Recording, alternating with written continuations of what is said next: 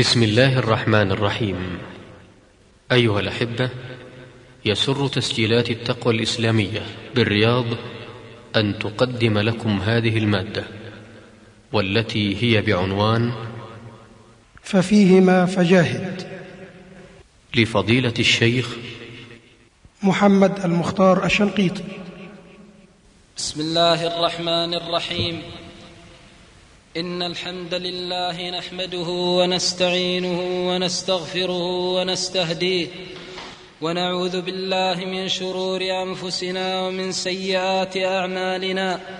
من يهده الله فلا مضل له ومن يضلل فلا هادي له. وأشهد أن لا إله إلا الله وحده لا شريك له. وأشهد أن محمدا عبده ورسوله. أرسله بين يدي الساعة بشيرا ونذيرا وداعيا إلى الله بإذنه وسراجا منيرا. صلى الله عليه وعلى آله وصحبه وسلم تسليما كثيرا. يا أيها الذين آمنوا اتقوا الله حق تقاته ولا تموتن إلا وأنتم مسلمون.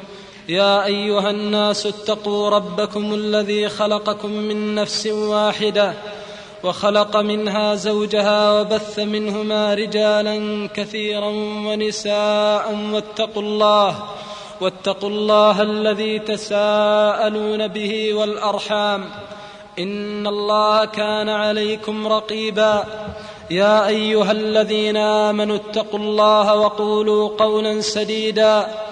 يصلح لكم أعمالكم ويغفر لكم ذنوبكم ومن يطع الله ورسوله فقد فاز فوزا عظيما. أما بعد فالسلام عليكم ورحمة الله وبركاته. إخواني في الله إن للوالدين حقا عظيما وفضلا بعد فضل الله جليلا كريما. وصى الله عز وجل به الملأ وتنزل به الروح الأمين من فوق أطباق السماوات السبع العلا. اثنان إذا ذكرتهما ذكرت البر والمعروف والإحسان. اثنان إذا ذكرتهما تحركت في القلوب الأشجان والأحزان. اثنان إذا ذكرتهما أسعفتك بالدموع العينان مضت أيامهما وانقضى شبابهما وبدا مشيبهما وقفا على عتبة الدنيا الآخرة وهما ينتظران ينتظران منك قلبا رقيقا ينتظران منك برا رفيقا وقفا ينتظران والجنة وراءهما والجنة تحت أقدامهما فطوبى لمن أحسن إليهما ولم يسئ إليهما طوبى لمن برهما ولم يعقهما طوبى لمن أضحكهما ولم يبكهما طوبى لمن سرهما ولم يحزنهما طوبى لمن أسعدهما ولم يشقهما طوبى لمن أكرمهما ولم يهنهما. طوبى لمن أعزهما ولم يذلهما. طوبى طوبى لمن نظر إليهما نظرة الحنان وتذكر ما كان منهما من البر والعطف والإحسان. طوبى لمن شمر عن ساعد الجد في رضاهما. فما خرجا من الدنيا إلا وقد كتب الله له رضاهما. طوبى لمن سهر ليله وأتعب نهاره وأضنى جسده في حبهما وابتغاء رضائهما.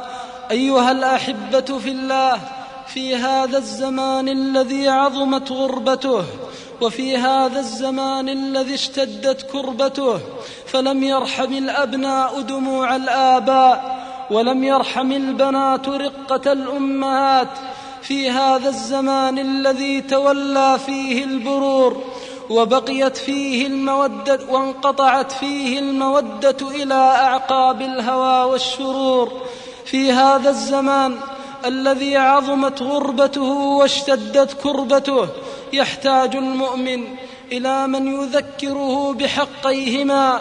يحتاج المؤمن إلى من يدله على عظيم فضلهما.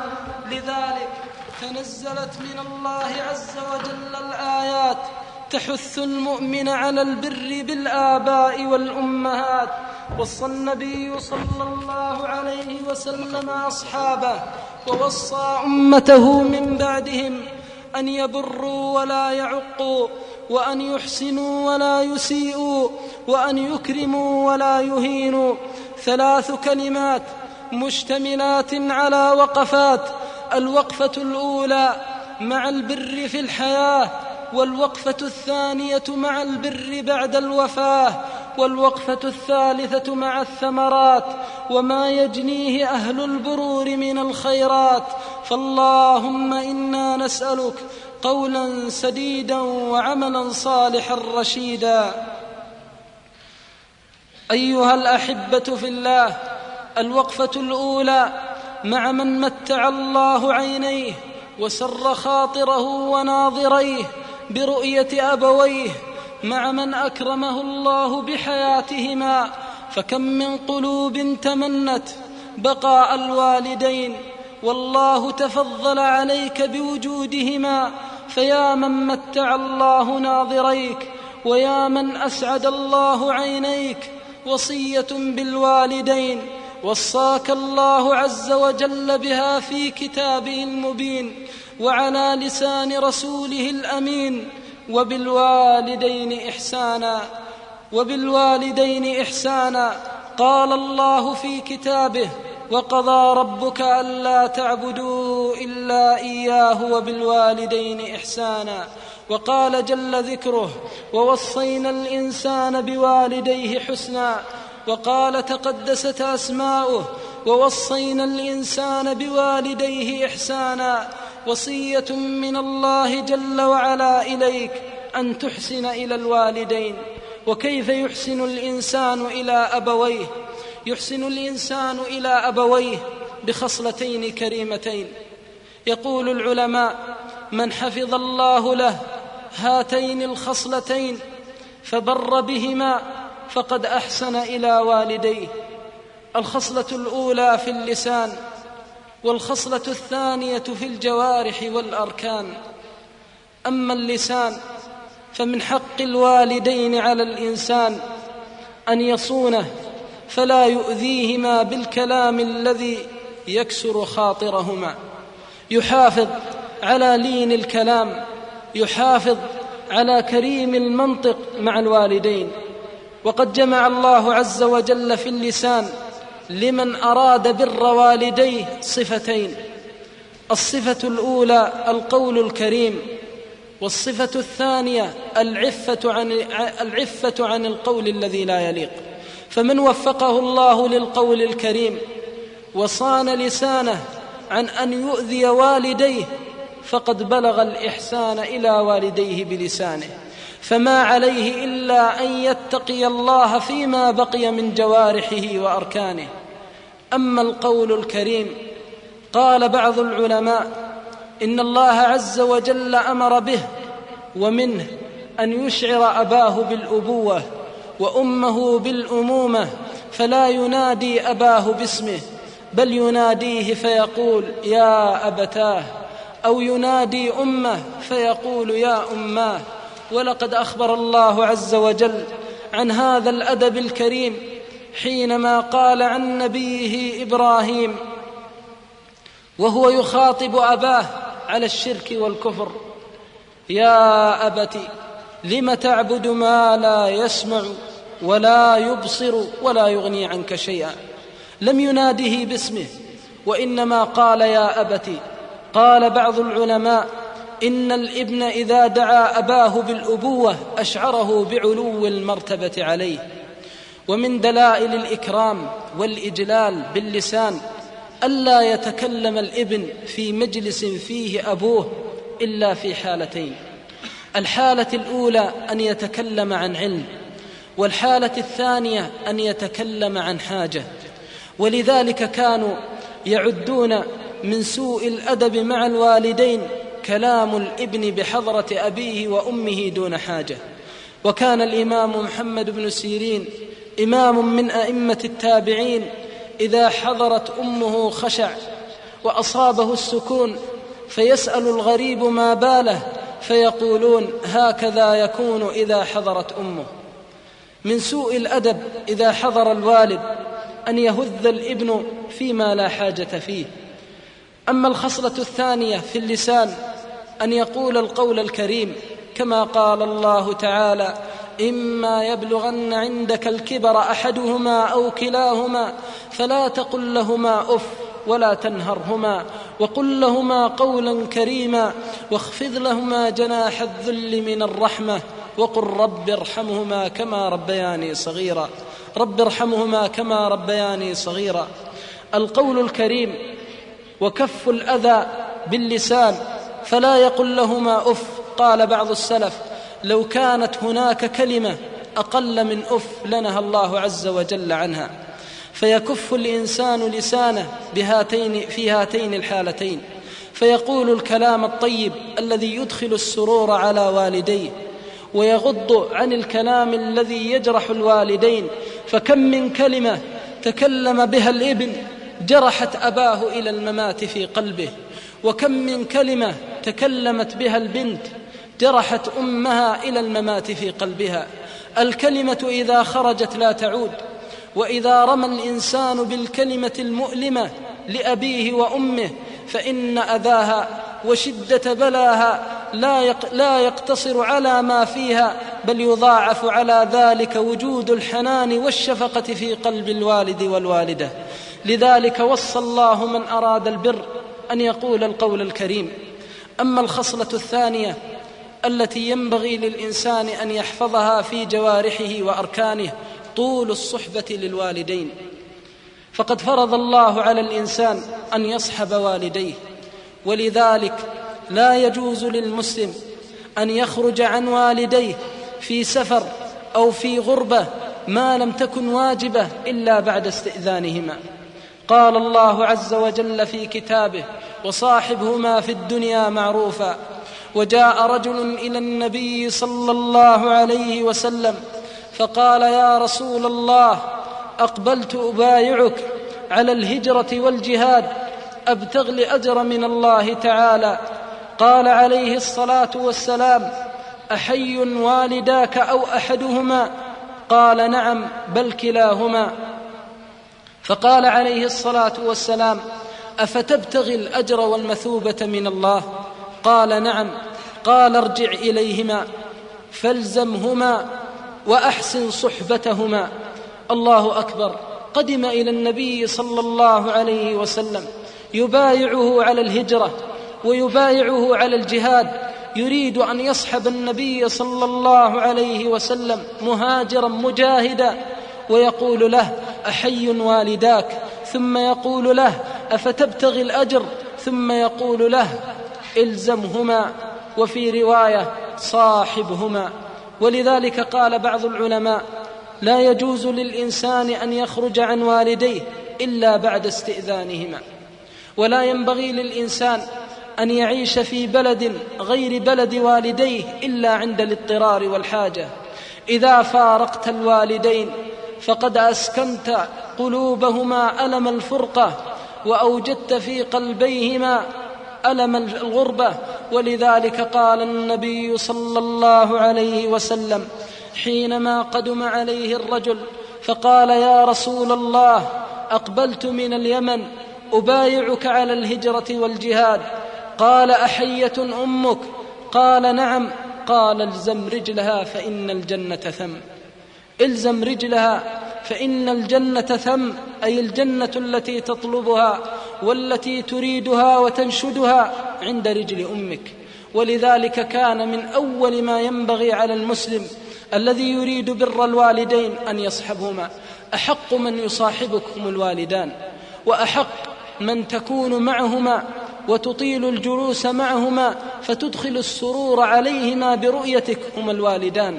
ولذلك يقول بعض العلماء من تغرب عن الوالدين في طلب عيش أو في ضرورة فليدمع وليسأل الله جل وعلا أن يغفر ذنبا حرمه القرب من الوالدين.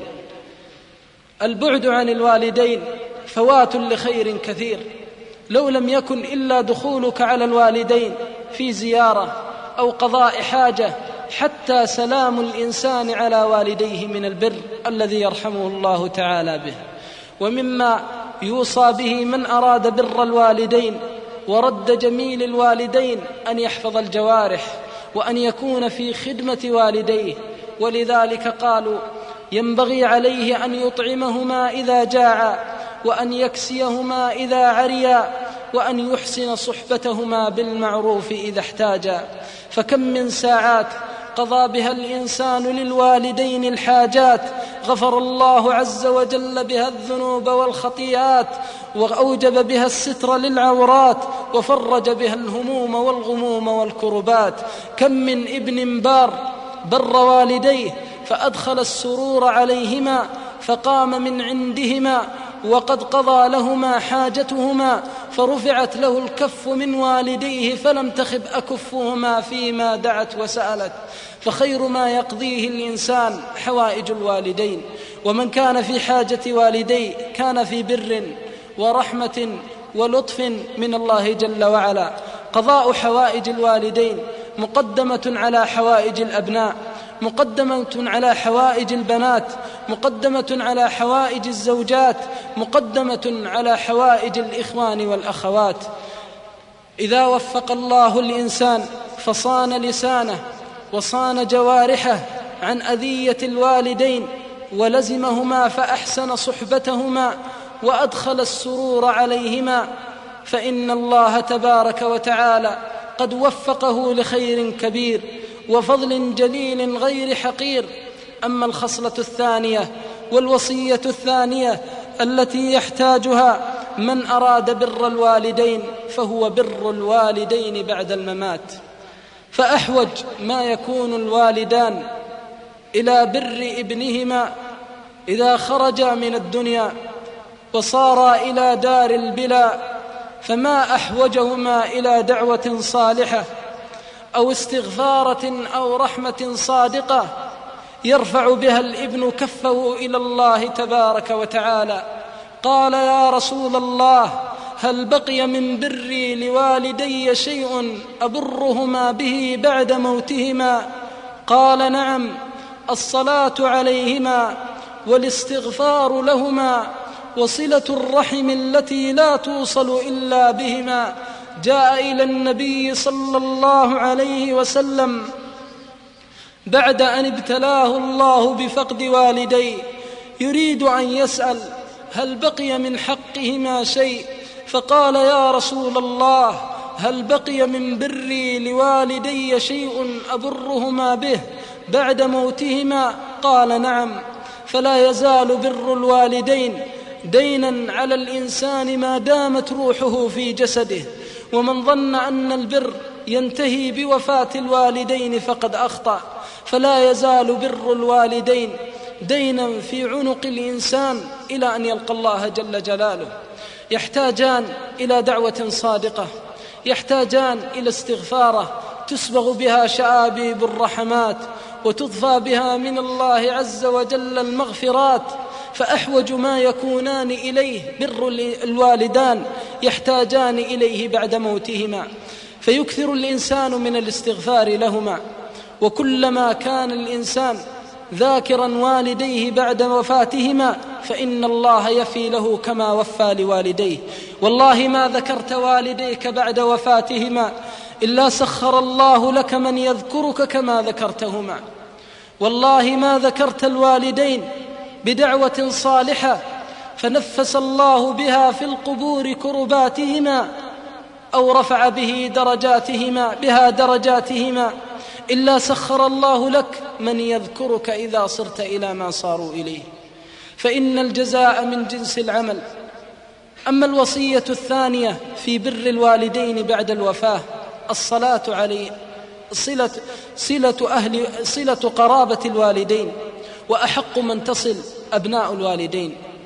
أبناؤهما فإن الإنسان قد يتوفى أبوه ويترك له إخوته وإخوانه وهما أحوج ما يكونان إلى عطفه وبره. فلذلك كان من أصدق البر للأب العطف على يتيمه والعطف على صغيره. فمن ابتلاه الله فكان أكبر إخوانه فقد صار دينا عليه أن يفي لأبيه بعد وفاته فيحسن إلى إخوانه وأخواته. فمن أجل القربات وأفضل الطاعات أن تحسن إلى يتيم الوالدين. ولذلك قال العلماء إن الإحسان إلى اليتيم على مراتب أعلاه اليتيم القريب وأقرب قريب إذا كانوا إخوة لك. فإن فإن الإخوة إذا فقدوا الأب احتاجوا إلى من يسد ذلك الفراغ الذي كان فيه الأب. احتاجوا إلى أخيهم الكبير في كلمة حنونة أو عطف أو بر أو إحسان أو دفع شدة أو كربة بعد الله جل وعلا. فإذا قابل الأخ إخوانه بهذا العطف وهذا البر كان أصدق ما يكون من ذكره لحق والديه عليه. ولذلك كان من أشد ما يكون على اليتيم أن يبلى بأخ يسيء إليه ولا يحسن إليه فخير ما يوصى به من فقد والديه وخلف له الوالدان أبناء وبنات يحتاجون إلى عطفه أن يبر الوالدين بالعطف عليهما على أولئك الصبية الضعفة وأن يحتسب عند الله جل وعلا في إدخال السرور عليهم.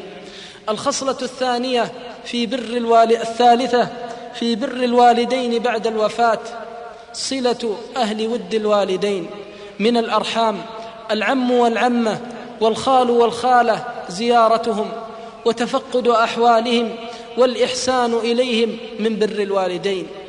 قال عليه الصلاة والسلام إن من أبر البر أن يصل الرجل أهل ود أبيه من أبر البر أن يصل الرجل أهل ود أبيه. مشى عبد الله بن عمر رضي الله عنه وأرضاه في سفره من المدينة إلى مكة وكان عنده دابة يركبها ويتروح عليها إذا تعب فرأى اعرابيا يسير فنزل عن دابته وألبسه العمامة وحياه وأكرمه ثم لما مضى قال له أصحابه لم أعطيته الدابة رحمك الله؟ قال إن هذا إن هذا كان أبوه صديقا للخطاب في الجاهلية وإني سمعت رسول الله صلى الله عليه وسلم يقول إن من أبر البر أن يصل الرجل أهل ود أبيه. قال بعض العلماء إنما كان برا لأن صديق الوالد إذا رأى ابن صديقه ذكر الوالد فترحم عليه وذكر جميل أفعاله وأثنى عليه فكان ذلك من بر الوالدين. ولذلك تعتبر هذه وصية لمن فقد والديه أن يحسن إلى أصحابهما أن يصل أهل ود أبيه يتفقدهم بالزيارة وإن وجد منهم خلة أو حاجة سدها يحتسب عند الله عز وجل برها. فهذه من القربات التي تكون للوالدين بعد الممات.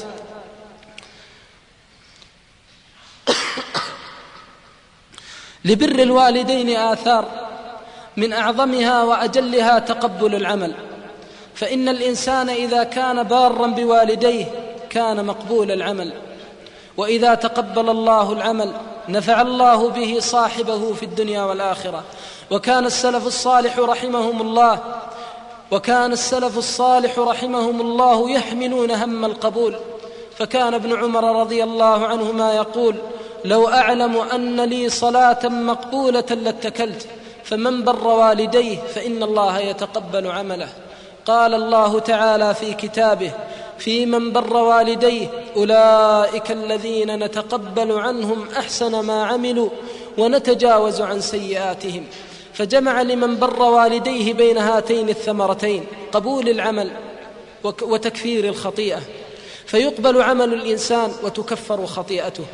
قال بعض العلماء إن البار إذا أصبح وفعل الطاعة وأمسى قبل عمل يومه وإن العاق لو أطاع الله يومه قد يكون عقوقه سببا في حرمانه القبول للطاعة والعياذ بالله. فلو أصبح صائما وبات قائما وأغضب أباه وأمه لم يقبل الله عز وجل عمله فإن الله تبارك وتعالى ذكر في قطيعة الرحم أنها توجب للإنسان صمه وعدم وعدم أنه تعميه وتصمه. فقال جل وعلا أولئك الذين لعنهم الله فأصمهم وأعمى أبصارهم. فإذا كان هذا في من قطع رحمه فكيف بمن عق والديه والعياذ بالله؟ فخير ما يجنيه من بر الوالدين قبول العمل. الأمر الثاني الذي يجنيه البار بالوالدين إجابة الدعوة. فإن البار بالوالدين الغالب أنه يكون مستجاب الدعوة. فقد ثبت في الصحيح عن النبي صلى الله عليه وسلم أنه ذكر أويسا القرني قال يأتيكم أهل اليمن أرق قلوبا فيهم أويس القرني رجل كان بارا بأمه وكان به برص فدعا الله عز وجل فأذهبه إلا قدرا يسيرا في قدمه من رآه منكم فليسأله أن يدعو له. فكان عمر بن الخطاب رضي الله عنه وأرضاه مع علو قدره وارتفاع مكانه وصحبته لرسول الله صلى الله عليه وسلم. يتفقد البعوث في الجهاد حتى وجده فعزم عليه أن يستغفر له. فمن فضائل البر إجابة الدعوة. وقل لإنسان يكون بارا بوالديه ويحجب عن دعوة. ما من إنسان يوفق لبر الوالدين إلا كانت دعوته مستجابة. وإذا توسل لله عز وجل ببر الوالدين فرج الله كربته. ونفس الله همه وغمه كما ثبت في الحديث الصحيح عن النبي صلى الله عليه وسلم في قصة الثلاثة النفر الذين دخلوا الغار. قال الثالث اللهم إنك كنت تعلم أن لي والدين كنت لا اغبق قبل غبوقهما وكنت آتي, بالحي... وكنت آتي بالعشي فأحلب فلا أغبق قبل غبوقهما وإني قد تأخر قد نأى بي الشجر يوما فتأخرت عليهما فقدمت وقد ناما فاحتلبت لهما وقمت على رأسيهما فكرهت أن أوقظهما حتى طلع الصبح. والصبية يتضاغون عند قدمي. اللهم إن كنت تعلم أني فعلت ذلك ابتغاء مرضاتك ففرج عنا ما نحن فيه. ففرج الله الصخرة عنهم حتى خرجوا. فمن كان بارا بوالديه استجاب الله دعوته. وفرج الله كربته. والله لن تجد بارا يساء في الحياة غالبا. لن يطلب, لن يطلب طريقا إلا سهله الله له. ولن يقرع بابا إلا فتحه الله في وجهه. ولا ولا تمنى امرا من الخير إلا يسر الله له سبيله. بر الوالدين من أعظم الأسباب التي توجب الرحمة من الله في تيسير الأمور. والعكس بالعكس فإن العاق ما حضر مكانا إلا ما حضر مكانا إلا كان شؤما على أهله. حتى أخبر النبي صلى الله عليه وسلم أن الرحمة لا تنزل على قوم فيهم قاطع رحم فكيف بالذي عق والديه؟ فالمقصود أن من أراد أن يجني ثمرة البر فمن أعظمها أن الله يجيب دعوته وأن الله يفرج كربته وأن الله تعالى يكون معه في شدته وعسره. فمن فضائل البر ومن فضائل البر انشراح الصدور ولذلك قل أن تجد بارا منقبض الصدر وقل أن تجد إنسانا بارا يضيق تضيق عليه الحياة أو يشكي نكدها أو همها لأن من بركات البر وآثاره الحميدة على الإنسان في نفسه انشراح صدره.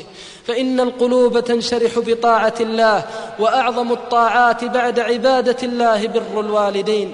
فمن وجد في قلبه ضيقا أو حرجا فليتفقد حقوق الوالدين عليه فلعله أن يكون أساء إلى الوالدين بكلمة أو أساء إلى أمه أو أبيه بزلة فليطلب سماحها عل الله أن يذهب عنه همها وغمها. أيها الأحبة في الله من أراد أن يبر الوالدين فليأخذ بالأسباب. أعظمها الدعاء. فيسأل الله البر ويستعيذ منه من العقوق. الأمر الثاني أن تحس أن وجود الوالدين ليس بدائم وأنه سيأتي اليوم الذي يفقد الإنسان فيه أمه أو أباه. ولا شك أن ذلك قادم إن عاجلا أو آجلا. فإذا وجدت من الوالدين فإذا وجدت الوالدين أمامك فاحمد نعمة الله عز وجل بوجودهما. ولا تضمن أن تمسي ولا تراهما فإن هذا مما يعين على البر ويشوق الإنسان إلى اغتنام وجود الوالدين. كذلك أيضا مما يعين على البر استشعار حسن العاقبة فإن الإنسان إذا أحس برضا الله عز وجل عنه فإن ذلك يشوقه إلى إلى إلى, إلى الإحسان والبر للوالدين. إخواني في الله إن من أعظم العوائق التي يجدها الإنسان في بر والديه أن يحسن إلى الوالدين ويسيء إليه أن يرحم الوالدين ويعذباه أن يقول لهما القول الطيب فيردان عليه بالخبيث أن يفعل الخير بهما فيردان عليه شرا أن يذكرهما بخير فيردان عليه بسوء. فإذا ابتلاك الله بأب لا يرحمك وأم لا ترحمك فاعلم أن أفضل البر بر مثل هذا. أفضل ما يكون البر إذا وجدت أبا إذا أحسنت إليه أساء إليك. وأفضل ما يكون البر إذا وجدت أبا تكرمه فيهينك وترفعه فيضعك لا يبالي بحسنتك. إن رأى منك حسنة كفرها وإن رأى منك سيئة أذاعها. فإذا بليت بمثل هذا فاصبر فإن أفضل ما يكون البر في مثل هذا. فإن الله قد يريد أن يرفع درجتك ويعظم أجرك بهذا البر فيسلط عليك أبا لا أبا لا يبالي بإحسانك إليه. فأفضل ما يكون البر إذا وجدت من الأب الإساءة أو وجد الإنسان من الأم الإساءة فما عليه إلا أن يصبر ويصطبر. عل الله عز وجل أن يعوضه خيرا. ذكروا عن عمر بن الخطاب رضي الله عنه أنه كان أبوه شديدا عليه وكان بارا به حتى إنه رضي الله عنه نزل بواد بمكة فجمع التراب ونام وقال كنت أرعى لأبي الخطاب في هذا الوادي الإبل وكان فظا غليظا يضربني قال بعض العلماء إن الله عز وجل أخرج من عمر هذه الكلمة في هذا الوادي الذي بر فيه والديه فقال هذه الكلمة وهو خليفة وإمام للمسلمين. لكي يعلم حسن العاقبة من الله أهانه أبوه في الجاهلية فكان يكرمه وأساء إليه فكان يحسن إليه فعوضه الله عز وجل أن أصبح إماما من أئمة المسلمين. فمن صبر في الوالدين واحتسب خاصة عند الأذية وخاصة عند الإهانة فإن الله تبارك وتعالى لن يضيع إحسانه. ولذلك كثيرا ما يجد الشاب الصالح أبا لا يبالي به وتكون له إخوة يقسون على أبيهم فيخاف الأب منهم ولكن يحسن فالأب يهينه ويحس الأب أن هذا الصالح بإكرامه له وبره له قد أصبح مهانا في عينه فيتألم الشاب الصالح من أثر ذلك ويجد في نفسه ولكن اصبر وصابر فإن كان أبوك أو كانت أمك لا تبالي بإحسانك فما هي إلا حسنات تخط في ديوانك. وإذا كان الأب يجحد البر فإن الله لا يجحده. وإذا كان الوالدان يجحدان الإحسان فإن الله لا يجحده. فما عليك إلا الصبر وما عليك إلا احتساب الأجر وأن تحس من قلبك أن الله يريد بك خيرا حينما سلط عليك أبا لا يرحمك. كذلك أيضا من عوائق البر التي تعيق الإنسان قرناء السوء فإن كثيرا من الناس قد يبتلون والعياذ بالله بعقوق الوالدين بسبب قرناء السوء والعياذ بالله. فكم حقر الأب وكم حقر الأم في عين الولد و... في عين الولد صديق لا يخاف الله وقرين لا يتقي الله فغير قلب الإبن على أبيه وغيرت قلب البنت على أمها فمن الشقاء أن يبلى الإنسان بقرناء السوء. فما على الإنسان الذي وجد من قرينه إهانة لوالديه إلا أن يتركه. إذا أحسست بأن جلساءك يعينوك على العقوق وأنك لا تجد منهم من يثبتك على البر والإحسان فاتركهم والله يعوضك خيرا منهم. أيها الأحبة في الله إن الله تبارك وتعالى إذا يسر للإنسان البر ورأى دلائله فما عليه إلا أن يشكر. فإن الله تأذن بالمزيد لمن شكر.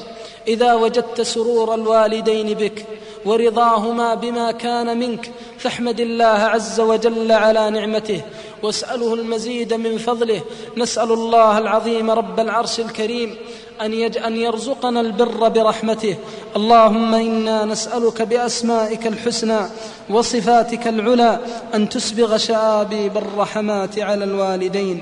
اللهم اغفر لأمواتهم اللهم اغفر لهم وارحمهم وعافهم واعف عنهم. اللهم اجزهم عنا خير ما جزيت والدا عن ولد. اللهم اغفر لهم وارحمهم وعافهم واعف عنهم وأكرم نزلهم ووسع مدخلهم واغسلهم بالماء والثلج والبرد. اللهم أسبغ عليهم شابيب الرحمات وكفر عنهم الخطيئات وارفعهم عندك في أعلى الدرجات.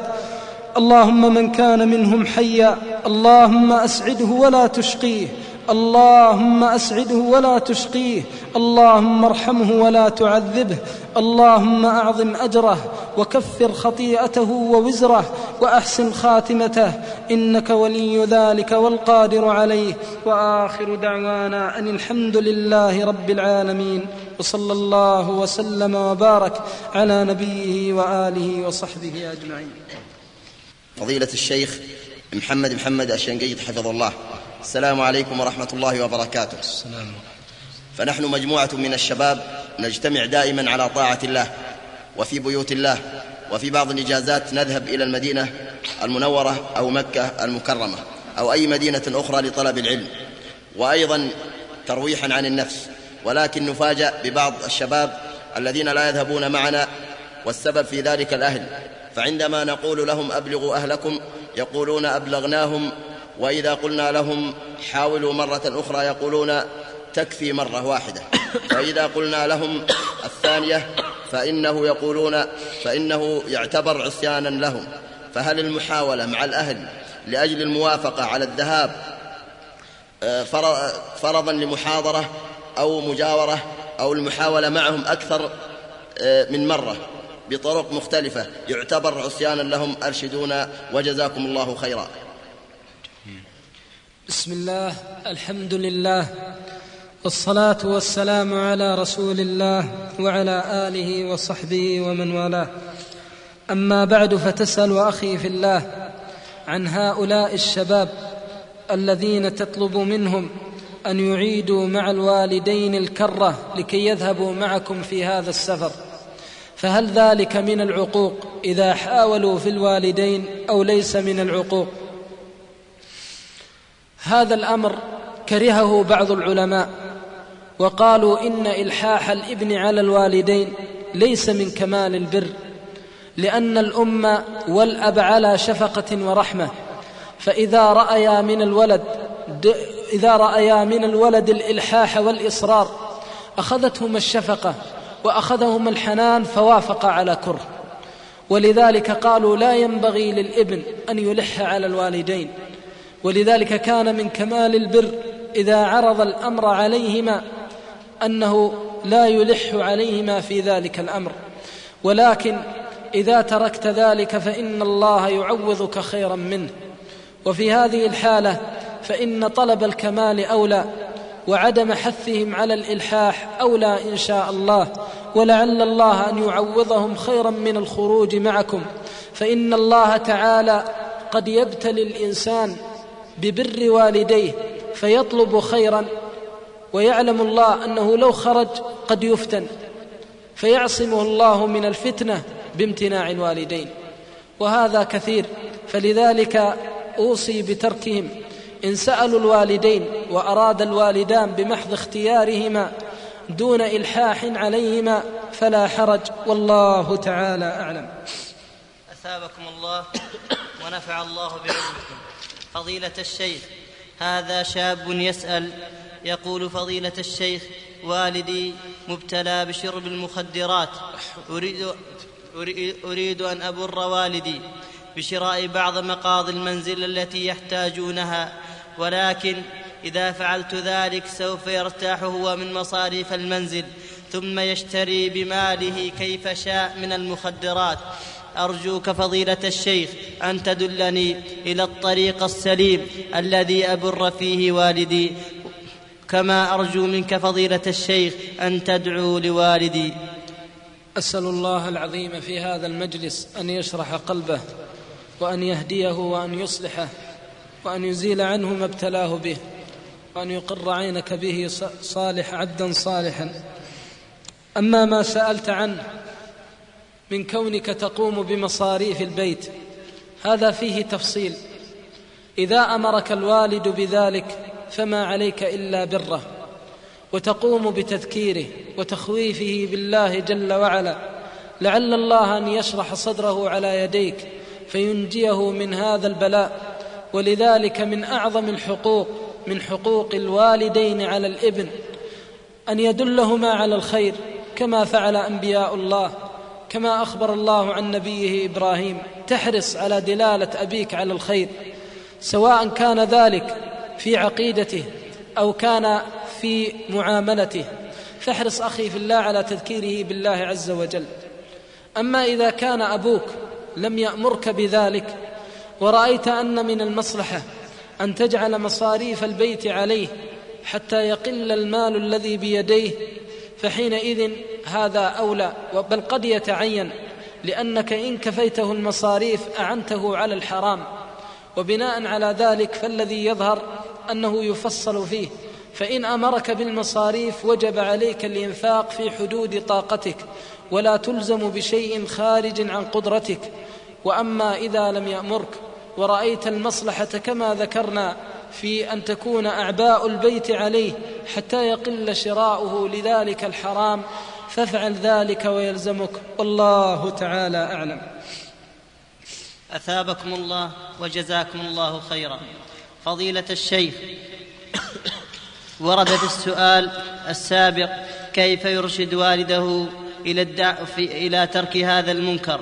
ووردت كثيرة كثير من الأسئلة أيضا في الطريقة السديدة في نصح الوالدين وإرشادهم بالتي هي أحسن. أولا لا تذكر والديك إلا وأنت مخلص لوجه الله عز وجل. فلا تذكره حمية وتقول هو يشرب المخدرات ويفضحنا ونريد أن نكتفي عار الفضيحة. تذكره وليس في قلبك إلا الله. فإن الكلمة إذا خرجت من القلب استقرت في القلب والكلمات الصادقات أبى الله إلا أن يجعلها في القلوب. فاصدق في مع الله عز وجل بالإخلاص. الأمر الثاني أن تنظر إلى أفضل الأوقات التي يكون الوالد فيها مرتاح البال مستجم النفس خاليا. الأمر الثالث تقدم عليه في مثل هذه الأوقات. وأنت تحس كأنك أمام غريق يريد الموت وتحس أنك أمام إنسان عظيم الحق والقدر عليك فتقدم عليه ولسانك يلهج بأن يشرح الله صدره وأن ييسر لك الأمر في نصحه فتسأل الله العظيم أن يفتح لك قلبه.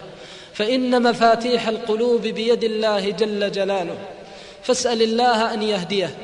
فإذا جلست معه فخذ بالكلام الطيب والموعظة الحسنة والقول الكريم.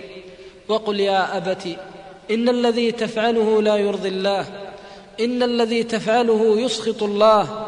يا ابت إني أخاف عليك عذاب الله. يا ابت إني أخاف أن يمكر الله بك. يا ابت يا ابت وقل ذلك وقلبك يحترق. عل الله عز وجل أن يشرح صدره بموعظتك.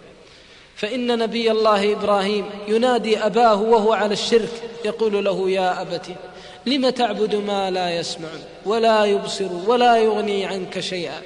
لم تعبد؟ ينكر عليه ذلك الأمر.